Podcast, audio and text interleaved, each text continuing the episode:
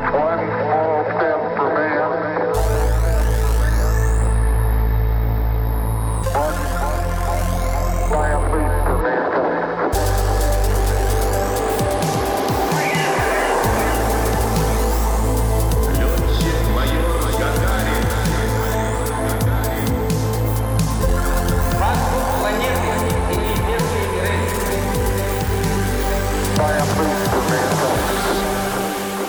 Hei og velkommen til Spacepoden romsnakk i sofakroken. Podkasten er laget av oss i studentorganisasjonen Space NTNU. Vi tar opp små og store ting som kan knyttes opp mot verdensrommet for å gjøre det lett og interessant å høre på. Mitt navn det er Erlend Samblåst, og jeg er host for podkasten. Og med meg på motsatt side så har vi CMO Alexi Gusev. Hallo, hallo. Vi har òg med oss eh, vår eh, Space News-konsulent. Romkonsulent. Romkonsulent. Jale Steinberg. Hallo. Hyggelig å ha deg her. Ja, full, full ammunisjon, holdt jeg på å si. Alt av drakt og greier. Til ære for astronauten. Ja. Så i, i dag så er det litt artig, da, for nå sitter vi jo her på Vitensenteret i eh, Trondheim. Eh, og vi har med oss eh, live publikum. La oss høre. eh, og Alexi og Jalle, jeg har en lite spørsmål til dere. Hva var det dere drømte om å bli når dere var små?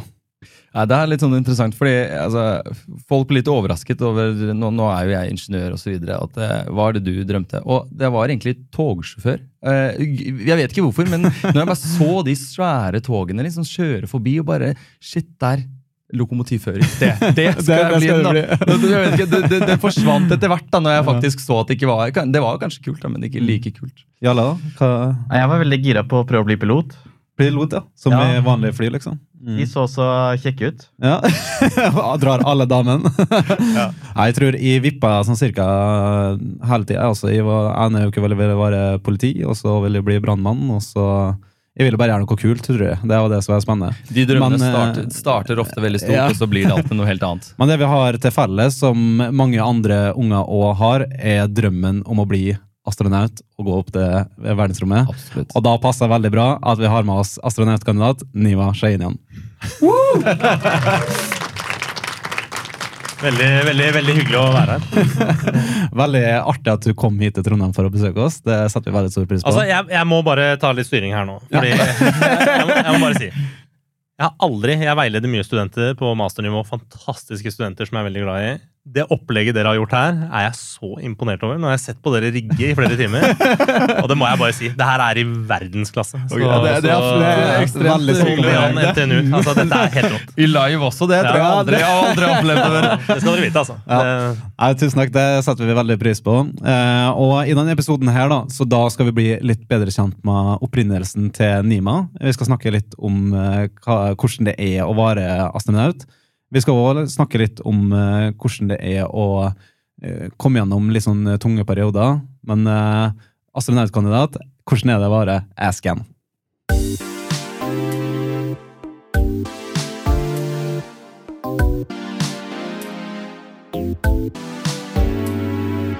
Vi satte så veldig pris på at du kom hit i dag, at vi har laga en liten overraskelse til det. Så jeg tenker Alexi tar et over og beskriver. Ja, for det, det det, klart. podcasten her eh, er jo De som ser live, de ser jo selvfølgelig det vi kommer til å se her. eh, Men de som, på spot, eller de som hører på Spotify, ser vel noe sannsynligvis ikke. Så nå løfter Erlend opp et duk, og her ser vi egentlig en trekantformet eh, Hva skal man kalle det? Trofé, nesten. altså Spaceboden med inngravert Nima og episodenummer på Spaceboden. Og jeg tror den skal også ja, lyse. så alt her. hvis du kan knipse med fingrene dine, Nima Ja, der, ja. Fantastisk!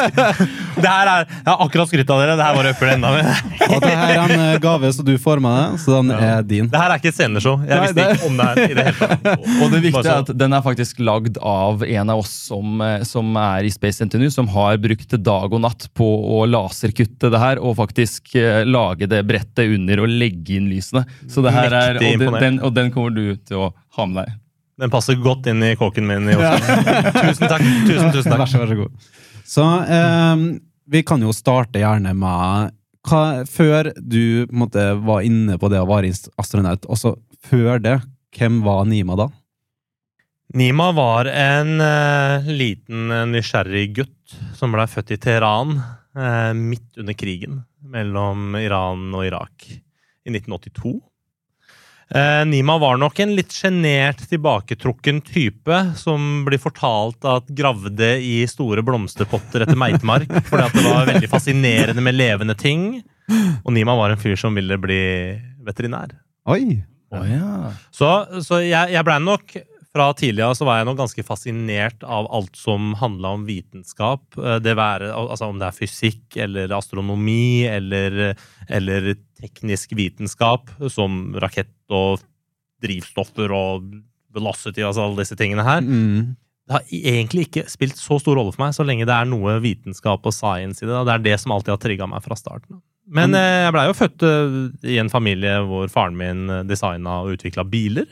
eh, Og, og ville den veien etter hvert. Etter, etter at den veterinærdrømmen var noe over, så ville jeg inn i bildesignverdenen. Altså det var design som var liksom Fikk hjertet mitt i bank. Men var det på en måte, var det noen grunn til at den veterinærdrømmen ble til, sånn egentlig?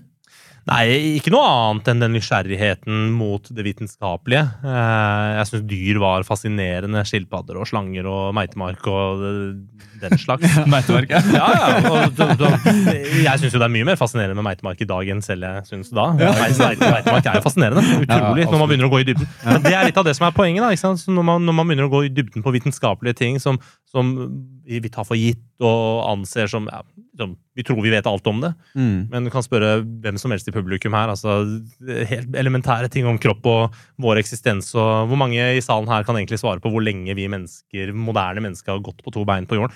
De færreste har egentlig det riktige svaret på disse tingene. Vi kan mye om mye, men ikke så mye om oss selv.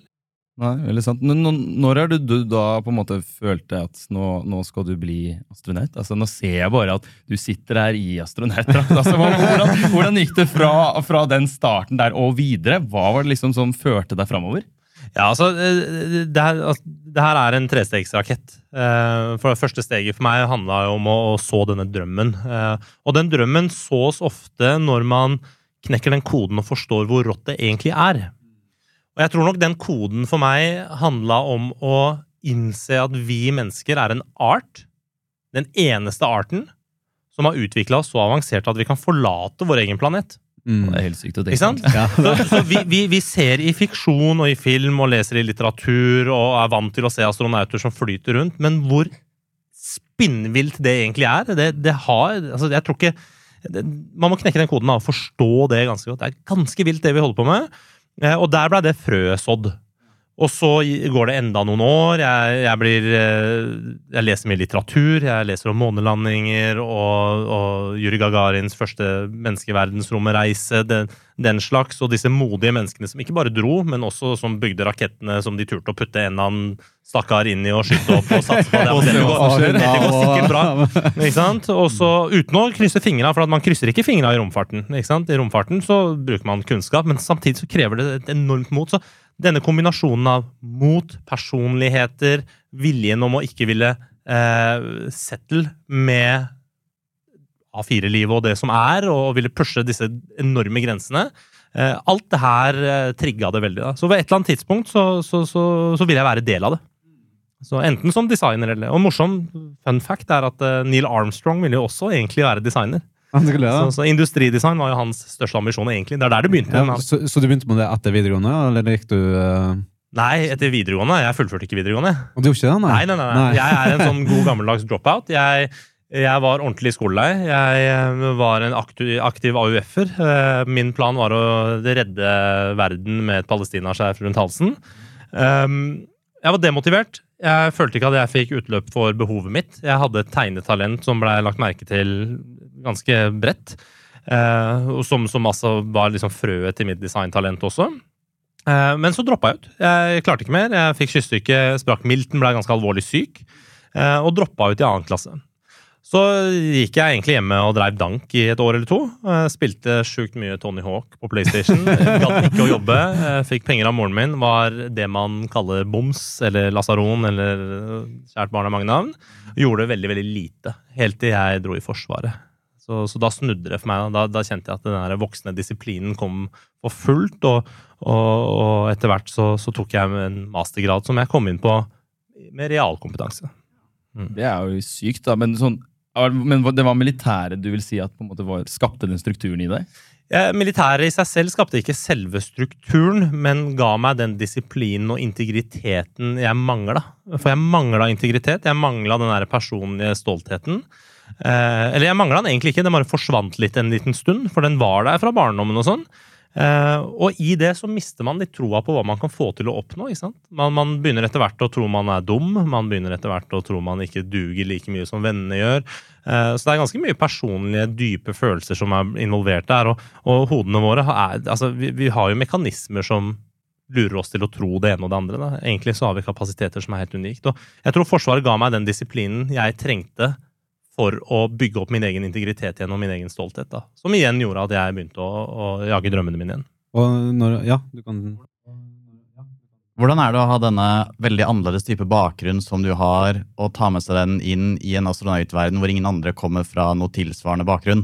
For alle de går jo veldig doktor og master og har jo gjerne Mm. flere Jeg doktorgrader synes også. det er et utrolig godt spørsmål, fordi bakgrunnen min er veldig veldig annerledes på mange måter. Samtidig så er moderne industridesign nærmer seg mer og mer ingeniørretta fag. Eh, industridesign eller produktdesign eller hva man velger å kalle det, har mange retninger. sant? Så Du har de som designer på estetikk, altså er veldig estetiske, som også er veldig viktig i samfunnet vårt. Vi trenger møbler som er vakre, og vi trenger rom som er flotte. og, og det, det skaper denne allsidigheten i hverdagen vår. Eh, samtidig så har moderne design også utvikla seg i en retning hvor problemløsning er hovedessens. Så det vil si at selv om jeg kommer fra en annen bakgrunn på papiret, så merker jeg at jeg snakker det samme språket som ingeniørene i dag gjør. Eh, Men ser på ting på en litt annen måte. Og så merker jeg at ingeniørene har endra seg, bare de siste ti årene si, fra jeg gikk inn i den bransjen, hvor ingeniører også ser til produkt- eller industridesign-tankesettene. sant? Så, så det har blitt en sånn utrolig god synergi. men og så må vi ikke glemme det at altså, Romhistorien har jo endra seg veldig. Det er veldig tydelig å se. da, De første astronautene, uh, Yuri Gagarin og disse som landa på månen, de tolv som landa på månen eh, Dette var mennesker som han rekrutterte for at skulle være beintøffe, supermodig, middels IQ, uh, men ultramodig i åtte dager. Å ha en syke som skulle holde åtte til ti dager. Men trengte ikke noe mer enn det. på en måte, for Du skulle til månen, og så skulle du tilbake, og så lenge du liksom holdt deg i vater den korte perioden, så var det good. Og så, og så utvikla dette her seg til, til romstasjoner og forskning, og da trengte man mer litt annen type akademiske bakgrunner for å gjennomføre disse forskningene og utvikling av ingeniør. Altså, så astronautyrket har jo endra seg i takt med hvordan romfarten har endra seg, og nå går man inn i en ny epoke hvor jeg føler at min designbakgrunn Ikke bare føler, men det er jo også mye av grunnen til at jeg er der jeg er nå. Da. Ja, for det var jo helt annerledes måten ting funka på før. da. Altså bare tenk, altså, Gagarin kom jo faktisk egentlig fra en landsby. Altså Ja, ja. Han var jo egentlig ikke så uh, godt uh, Verken trent eller noe, men de, de følte at han psykisk, og sånn som du sa, var modig nok til å liksom ta det steget der. da. Uh, men han ble jo trent ekstremt, eh, liksom. Altså Ja. Der var det jo eh, helt sinnssykt. Og, og det er interessant, det kommer vi til å sånn, eh, gå litt dypere inn på det etter hvert, da, hvordan det på en måte er forskjellig fra, eh, fra nå. Men, eh, men har du liksom sånn tenkt på at eh, Hadde du hatt lyst til å ta det i si det hadde vært fem år med trening? eh, Hadde du tatt den sjansen, liksom? Å trene så mye for å eh, oppnå den astronautdrømmen nå? Ja, det hadde jeg så absolutt. Um, og jeg tror nok jeg på mange måter har trent Altså, jeg brukte jo tre år på å kvalifisere. Ja, du gjorde det? Ja, Ja da, så det- så det tok en tid. Ja, jeg, jeg sendte min første kvalifiseringssøknad i 2016. Jeg fikk beskjed i 2019 at jeg har min kvalifikasjon. Og Da er det tre kvalifikasjoner jeg fikk. da. Det ene er jo kvalifikasjon til å begynne trening, og så rakettflyvning. Og være i bane, og så er det opphold på romstasjonen, som er tre ulike kvalifikasjoner som må lande. Og det tok meg tre år å, å lande. Så, så det har jo vært flere år med jobb. Og før det så søkte jeg altså Min første søknad til astronautopptak var jo 28, Hvor, Ja, hvor jeg søkte forrige ESA-seleksjon. Men mangla en del formaliteter, deriblant den mastergraden jeg har i dag. Og, og derfor kvalifiserte ikke heller. Mm. Men eh, du har jo ikke gått med liksom en vanlig rute til å komme seg opp til verdensrommet. Du har jo gått inn i private sektoren. Hvordan har det vært med ehm, Ja, altså sånn i, i forhold til at du kunne jo valgt eh, Du kunne valgt å bare gå til ESA. Altså, Hva var det som ikke gjorde at uh, Jeg, jeg Gjorde prøvde jo uh, ESA først. Ja, du gjorde det? Ja da, jeg, og, og, og det gikk jo ikke, ikke sant? Fordi at, uh, fordi at jeg hadde Altså, om jeg hadde hatt min mastergrad da, så hadde jeg fortsatt ikke kommet inn. For det, den masteren de så altså For det første så er jo de formelle kravene at man ser etter en mastergrad, men, men de reelle kravene er jo at du helst skal ha et par-tre ph.d.-er. Ikke sant? Et par, tre, ja. ja, Ja. det, det, det er litt å jobbe Ja, til. jeg, jeg, jeg, vet jo, jeg vet jo blant annet den søknaden som pågår i dag, da. Eh, vi er jo midt i en ESA-seleksjon nå, så jeg krysser jo alt av fingre og tær på at vi får inn en eller to nordmenn inn i den ESA. Altså, det, det er absolutt på tide at vi får inn ESA. eh, astronauter fra Norge. Mm. Vi har aldri hatt det før, så, så jeg krysser virkelig fingra for det. Men eh, jeg vet at det er rundt 18 nordmenn igjen, eh, hvorav åtte av de er kvinner. Litt for lavt tall. Burde vært én flere Det blir kvinner. sikkert altså mer og mer, og mer etter hvert. Ja. Det, er, det er en sånn saktegående prosess, det der. Det, det er en saktegående for- prosess, litt men for den, prosess, siste, ja. ja, den prosessen den bør, den bør snu nå. Absolutt, vi trenger absolutt. kvinner i romfarten. Uh, altså, vi, vi lever ikke i en verden hvor Nei, vi skal og- kjønns... Og det er jo ganske interessant. Det snakket vi med når Alex Rosén var på besøk på det liveshowet for en stund siden. Ja. Og, og vi snakket om det med, med å fly til Mars, eh, Mm. så det er litt interessant. Og der har jo på en måte eh, både russerne og amerikanerne, eller faktisk ESA mer eh, sammen med russerne, testa en del ting med Mars 500, som det heter. da. Ja. Hvor de hadde 500 dager hvor de stengte igjen en del mennesker. Inni, men det var bare menn første gangen. Ja. Og da husker jeg, da sa liksom de, både ingeniørene og spesielt eh, legene eh, og psykologene sa at det er faktisk veldig dumt når vi bare sender menn oppi der. Det er, altså, neste gang så må vi ha det halvparten, halvparten. Altså, det skal være like mange damer som eh, menn. Og det sa de at det påvirker mye bedre. Altså måten man jobber på. Man fungerer helt- helt annerledes, og det er, det er ekstremt viktig. Ja, jeg er helt enig i det. Det bør være 50-50. Realiteten er nok, nå kritiserer jeg en bransje jeg selv er del av, eh, realiteten er nok dessverre at verden styres fortsatt av et gubbevelde. La oss være ærlige. Er, eh, Altså Middelaldrende menn uh, styrer veldig mye av disse tingene her, og det er nettopp det som må endres. Altså Vi trenger flere kvinner inn i realfagene, vi trenger flere kvinner inn i ledelsesfag, uh, og vi trenger flere kvinner til å gå inn og balansere ut den, den forskjellen som bare må endres. Mm. Eh, Og da tror jeg nok, eller jeg vet at dynamikken blir den bør være, da. Mm. Jeg, jeg har et spørsmål, for nå, du skal jo opp eh, til verdensrommet, men Ja. hva i alle dager er det du skal gjøre der? det var et veldig godt spørsmål, for det, det, det må vi få svar på. Nei, eh, jeg vet ikke. Nei, jeg vet. Ja, hva skal vi? fått hørt det. Men, men det er sant at jeg ikke helt vet. Å, ja. Eh, Fordi eh, det man begynner å gjøre er seks måneder før oppskytning, så, så begynner man det man kaller for play, payload planning. Så det vil si at det er mye av den payloaden, altså det utstyret jeg skal ha med meg opp, derav også mye av forskningen jeg skal ha med opp, det blir planlagt seks måneder før oppskyting. Og vi er ikke helt der ennå. Eh, Det jeg derimot vet jeg kommer til å jobbe med, er jo de forskningsprosjektene som allerede er landa. Jeg kommer til å jobbe i kraft av å være industridesigner, så kommer jeg til å se på en del systemer. Mitt oppdrag begynte for to år siden. Mitt oppdrag handler ikke bare om å trene meg selv til å reise opp til verdensrommet og gjøre de prosjektene jeg skal gjøre der oppe, men mitt prosjekt handler om å gjøre innsikt, altså dyp, disruptive innsikt. Gå inn og se hvordan, hvordan er det man egentlig trener opp astronauter i dag? Hvordan er det man selekterer folk, og hvordan skal man gjøre det i fremtiden? Hvordan skal man utvikle programmer som er kommersielle, men profesjonelle? Så, så mitt oppdrag har begynt. Og de konkrete tingene jeg skal gjøre i verdensrommet, er jeg skal gjøre forskningsprosjekter. Altså rett og slett være en labtekniker.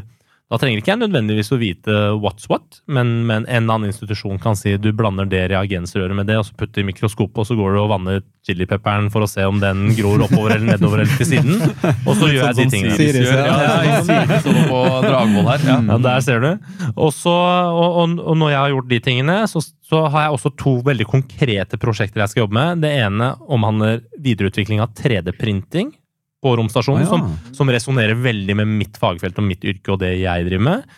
Eh, som ikke lenger handler om å lage doorknobs, men lage altså, virkelig systemer og ting som kan For, for da kan du jo bare designe ned på jorda, og så får du det Helt riktig. Eller designe der oppe. For det er det ingen som har gjort. Akkurat nå så har man 3D-printer på ISS, Internasjonale romstasjonen, hvor man designer på jorda, sender opp fila, og så har du en stepfil som du kjører inn i printeren. Men det kan man ikke helt gjøre når man er på vei til Mars eller lenger.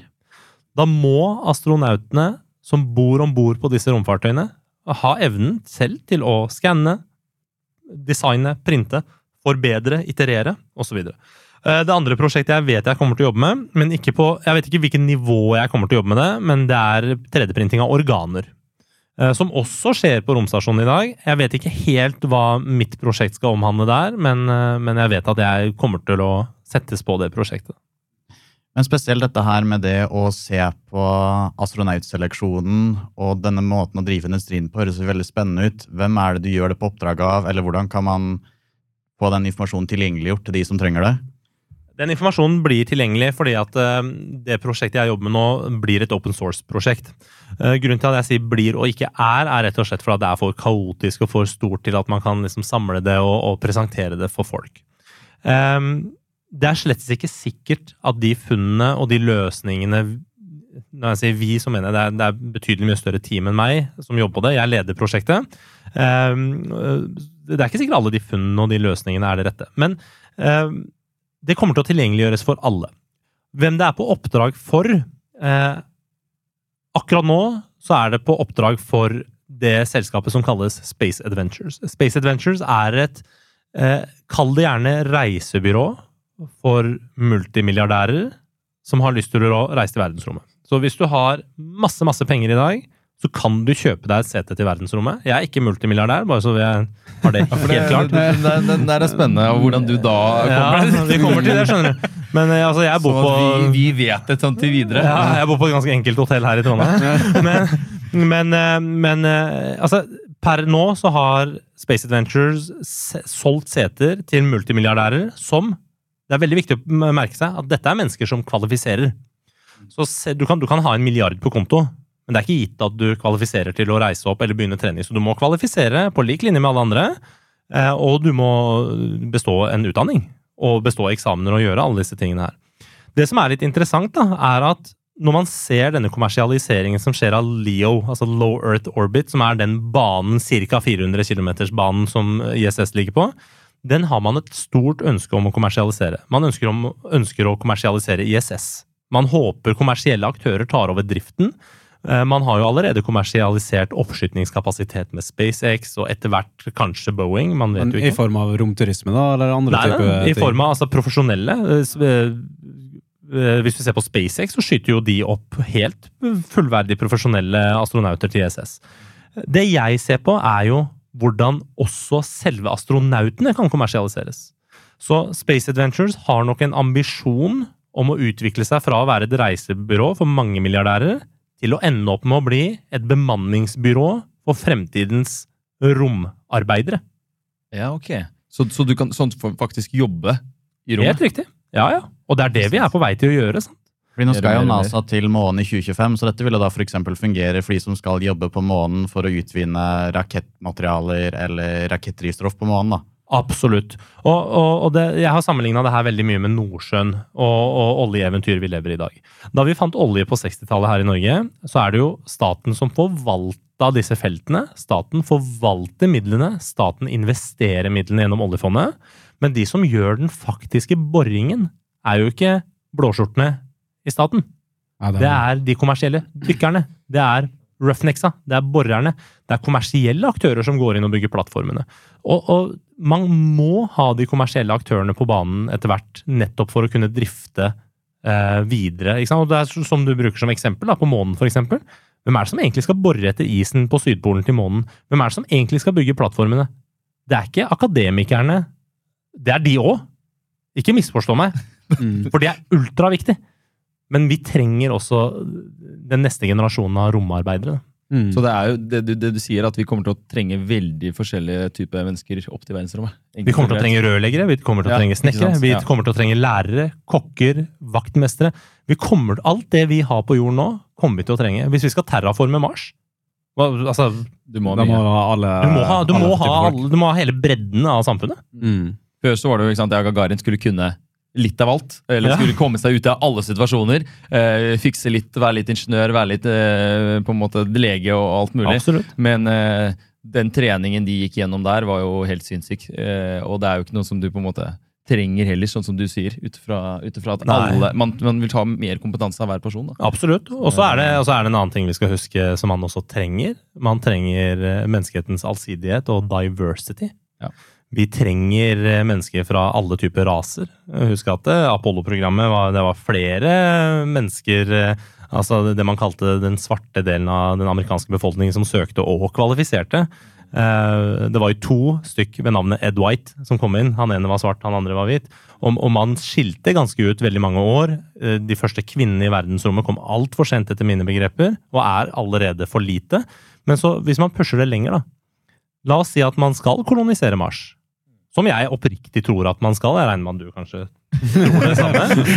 Der er vi vel like sånn, Nei, allerede. Det er- Ja, ja, ja. Han går i en Og vi begge har jo vært hos Alex. Ikke sant? Men, men, men hvis, vi, hvis vi tenker oss om da Nå skal jeg pushe grensen og være litt provokativ, men jeg mener hvert eneste ord jeg sier da.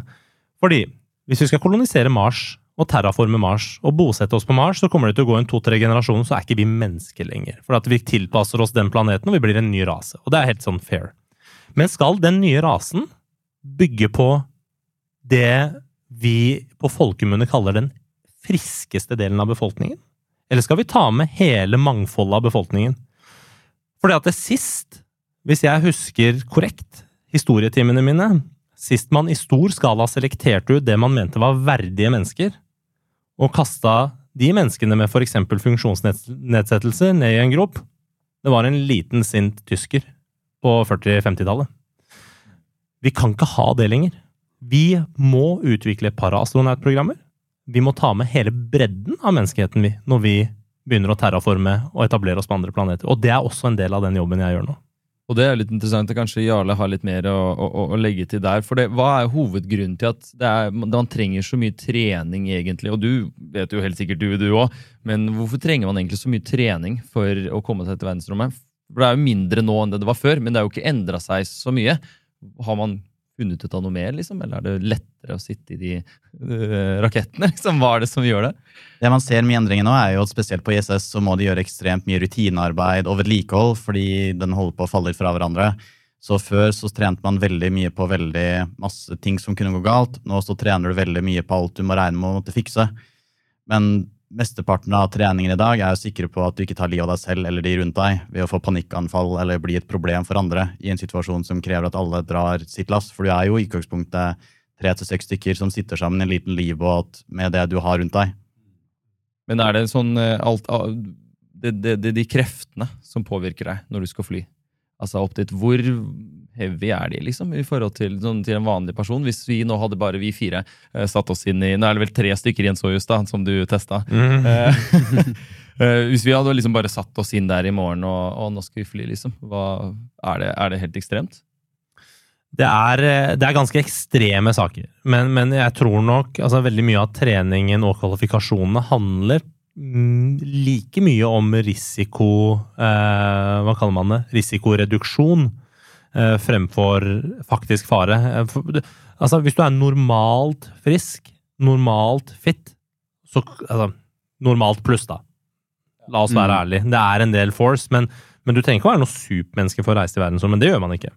Eh, Så, så veldig mye av det handler om å, å redusere risiko. Eh, redusere risikoen for at man kan bli syk i verdensrommet, som, som Jarle nevner også det å ikke få en mental kollaps, f.eks.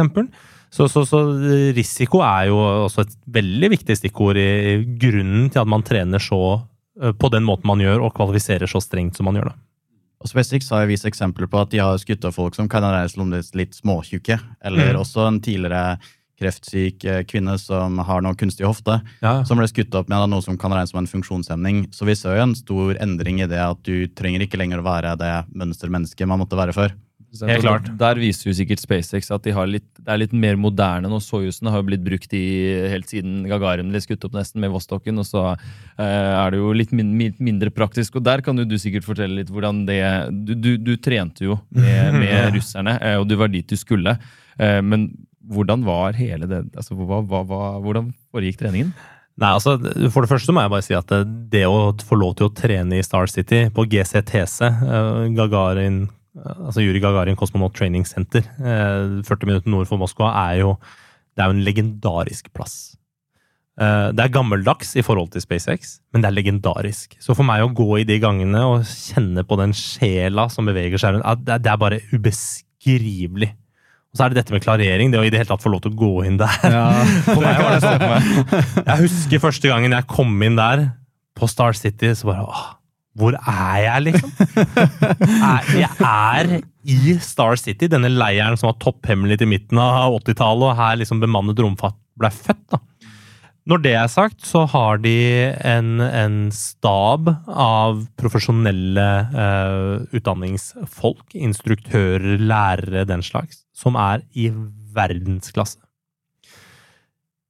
Det er veldig viktig for meg å presisere at i klimaet av det man ser nå, med konflikten i Ukraina, så skal man faktisk ikke glemme hvor hardføre disse rommenneskene i Russland er, og hva slags unike ting de har fått til. Altså, de har bana vei i historien altså, for, for bemannet romfart. Så profesjonaliteten på disse instruktørene og personlighetene deres er så sterke. Jeg er knytta veldig tette bånd til veldig mange av de, og anser de som nære nære venner av meg i dag. For dette er mennesker som er instruktører på et sånt nivå jeg aldri har opplevd lignende. Jeg er jo en forsvarsmann tross alt, og har selv vært instruktør og jobba, med den slags, men det her er på et helt eget nivå. da. Men treningen er eh, beintøff. Det forventes mye. Eh, Den minste lille feil blir slått ned på. Ingenting slurves med. Alt simuleres som om det er ekte. Så du nevner jo ikke sant, Soyuz-trening, eksempel. Ja. En Soyuz-simulator er Altså, hvis jeg dør i en Soyuz-simulator, altså simulert dør fordi at jeg har glemt å koble på hansken min, som har skjedd, så blir jeg kalt ut på teppet. Da må jeg forklare meg. Og det er ingen som trekker på smilebåndet i Russland når du har dødd og drept crewet ditt. Eh, så, så, Men her gjør vi det! ja, vi kan le av det nå. Skjer ikke, ja. Men det er, det er det som er poenget. da? Og Du nevnte jo Jarle, at du var hypp på å bli pilot. Hvis du ser på jagerpiloter i dag da? Altså Hvis man, Når jagerpiloter øver på F-35 i simulator, så er, i deres hoder så er ikke, har ikke de et mindset at dette er et TV-spill. og ah, Her kan vi krasje for moro skyld, eller vi kan slurve. Nei, nei, altså det blir tatt på all- det blir, det, blir tatt like på alvor som om du skulle gjort det på ekte. Omtrent. Ikke helt, men nesten. Men så, så, så poenget her er at profesjonaliteten er bare på et helt eget nivå. altså som, som Mm. Ja.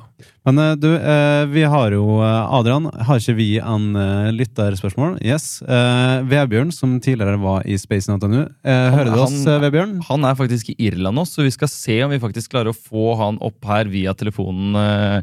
Så nå er vi spent. Hører du oss nå, Vebjørn? Ja, jeg hører dere. Hører dere meg? Ja, Ja, vi hører deg veldig godt. Ja, så flott. da er det bare Ja, å um... stille spørsmål. Hei, Vebjørn. Hei. Eh, Nima, vi, vi snakket jo faktisk for snart to år siden. Du er en av de første du, som fikk vite at jeg har kommet inn. Ja.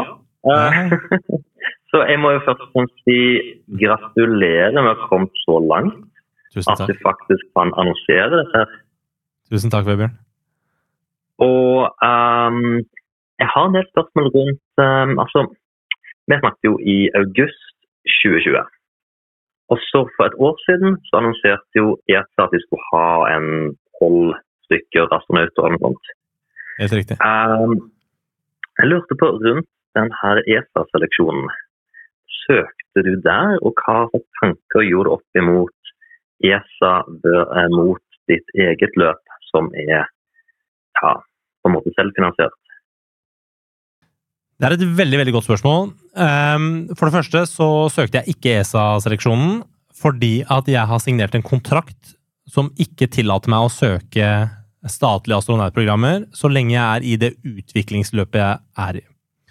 Eh, Som jeg forklarte i stad, så er mitt prosjekt begynte for to år siden, altså litt før du og jeg snakka første gang.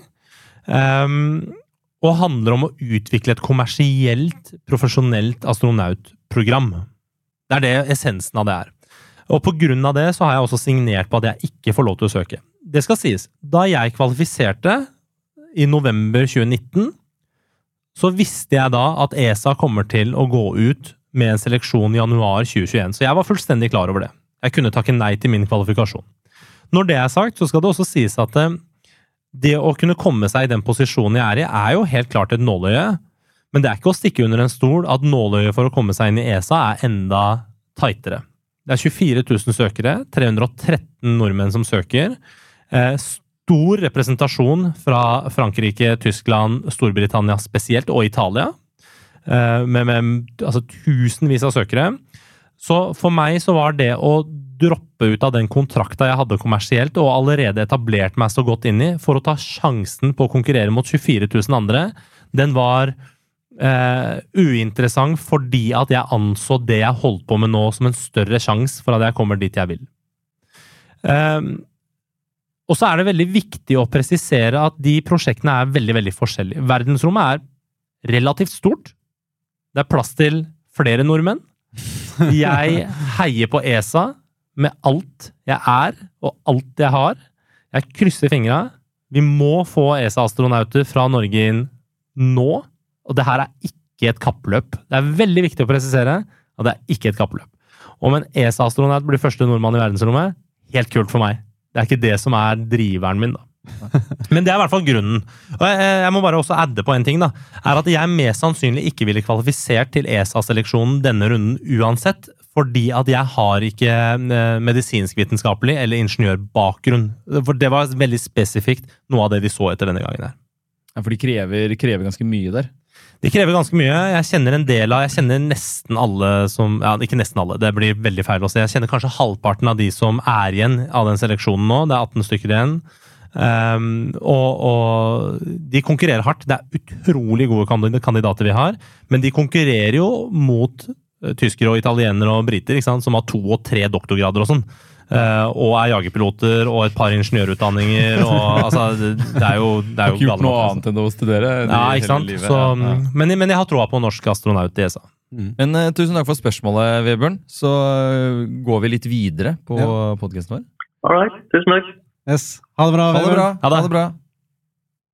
Så eh, nå er det ikke sånn superlenge igjen i episoden, men Men det er viktige ting. det er, jeg har litt lyst til å vite, er liksom, har du noe sånn Altså, Astronauter virker som noen veldig proffe folk hele tida. Har du noen sånn litt sånn tullete historier å fortelle til oss? Å, jeg har så mye tullete historier at eh, Det er for mye å fortelle. Vil du ha tullete historier om meg, eller vil du ha tullete historier om andre ting? Altså, mine Ja. eh, du, du, du, skal få, du skal få begge deler. Ja. Eh, astronauter kan være eh, interessante mennesker å jobbe med. Eh, og mye av det som, også, også for min del, jeg tror mye av det som gjorde at jeg har kvalifisert til å komme inn, er jo hvordan jeg klarer å holde meg i vater. Jeg får aldri panikk, eksempel. Jeg holder alltid roen og finner løsninger. Men det betyr ikke at astronauter ikke har egne meninger og kan slå seg vrange. Så man hadde under Skylab-oppdragene, som var en amerikansk romstasjon som gikk i bane rundt jorden før ISS-tiden, så hadde man Jeg husker ikke hvilken Skylab-oppdrag, jeg lurer på om det var Skylab 3. Så var det to astronauter, eh, Pogue og Carr, som oppholdt seg på eh, Skylab. Deres timeplan var tett pakka.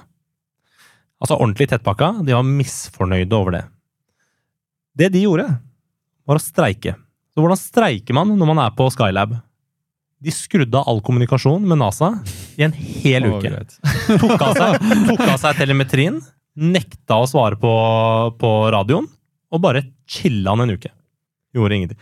Det syns jeg er en ganske kul historie, for det viser liksom at astronauter er heller ikke ultrapliktoppfyllende alltid. Så det er mye sterke personligheter De trenes til det, men det er ikke alltid at du kanskje får det. Ja, de trenes til det. Samtidig så vil man jo ha det der sterke personlighetene. Mm. Eh, jeg har også plenty av morsomme historier å fortelle, jeg også, men jeg tror nok de morsomste historiene er det russerne kanskje ikke vet. Alle de gangene de spør meg om jeg er ok, og jeg svarer at jeg er Et eksempel da, jeg husker- ja, Ja, Sist, Og det får du ikke lov til. Nei, ikke sant? Får du ikke lov til. Men sist jeg var i sentrifugetrening, da, så, så ligger jeg der og liksom, pusher på 4-5G. Jeg hadde vært og spist en middag med Aleksander Misurkin kvelden før, som er en kosmonaut som kom hjem fra, fra ISS i desember. Drar og møter Aleksander Misurkin. Jo, altså, vi er i Russland, ikke sant? Hva tror du man drikker da? Vann til middag? Glem det. Det blir litt vodka, jeg er litt bakfull, har egentlig forsovet meg litt. Man ser på bildene også at jeg er ganske bleik. Setter meg inn i sentrifugemaskinen. Verdens største sentrifugemaskin. Ligger under 4-5G. Og så vet jeg at hvis jeg sier at du, nå går det gærent Altså, vil dere vite hvordan det kan gå gærent i sentrifugemaskin? For dere tenker at man kan spy og sånn. Men hør, da. Man kan bæsje på seg. Ikke sant? For at det er masse, det er masse krefter. Sånn. Spyet blir jo bare pusha inn, men avføringen blir jo bare pusha ut. Jeg gjorde ikke det. bare så... Det er ikke sånn at trenerne bare fant ut at du hadde drukket og bare Nå skal vi teste han for fullt i hele veien. ikke. Og så er det en Første som har spydd før du går inn. Og så er det en sånn video av meg hvor eh, Det er en sånn video av meg hvor de filmer, de filmer ansiktet mitt.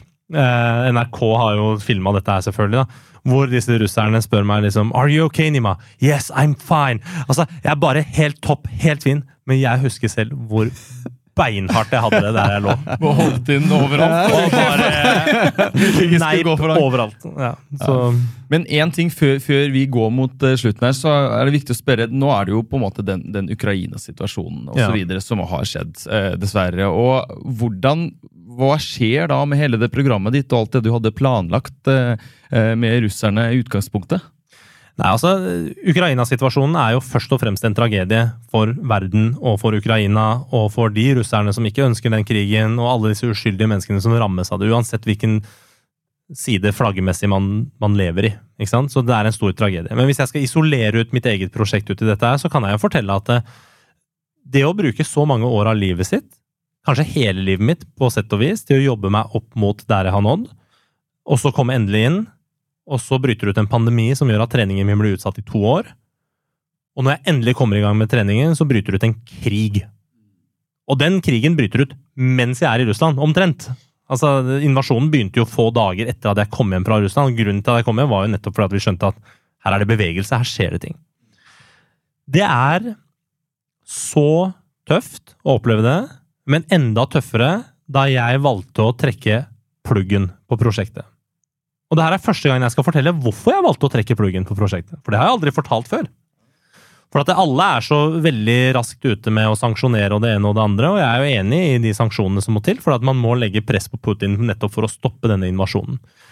Men jeg satt med et håp hele veien om at romfarten, sånn som den alltid har vært, skulle være den, det samlingspunktet for fredelig samarbeid. Det var mitt håp og min drøm.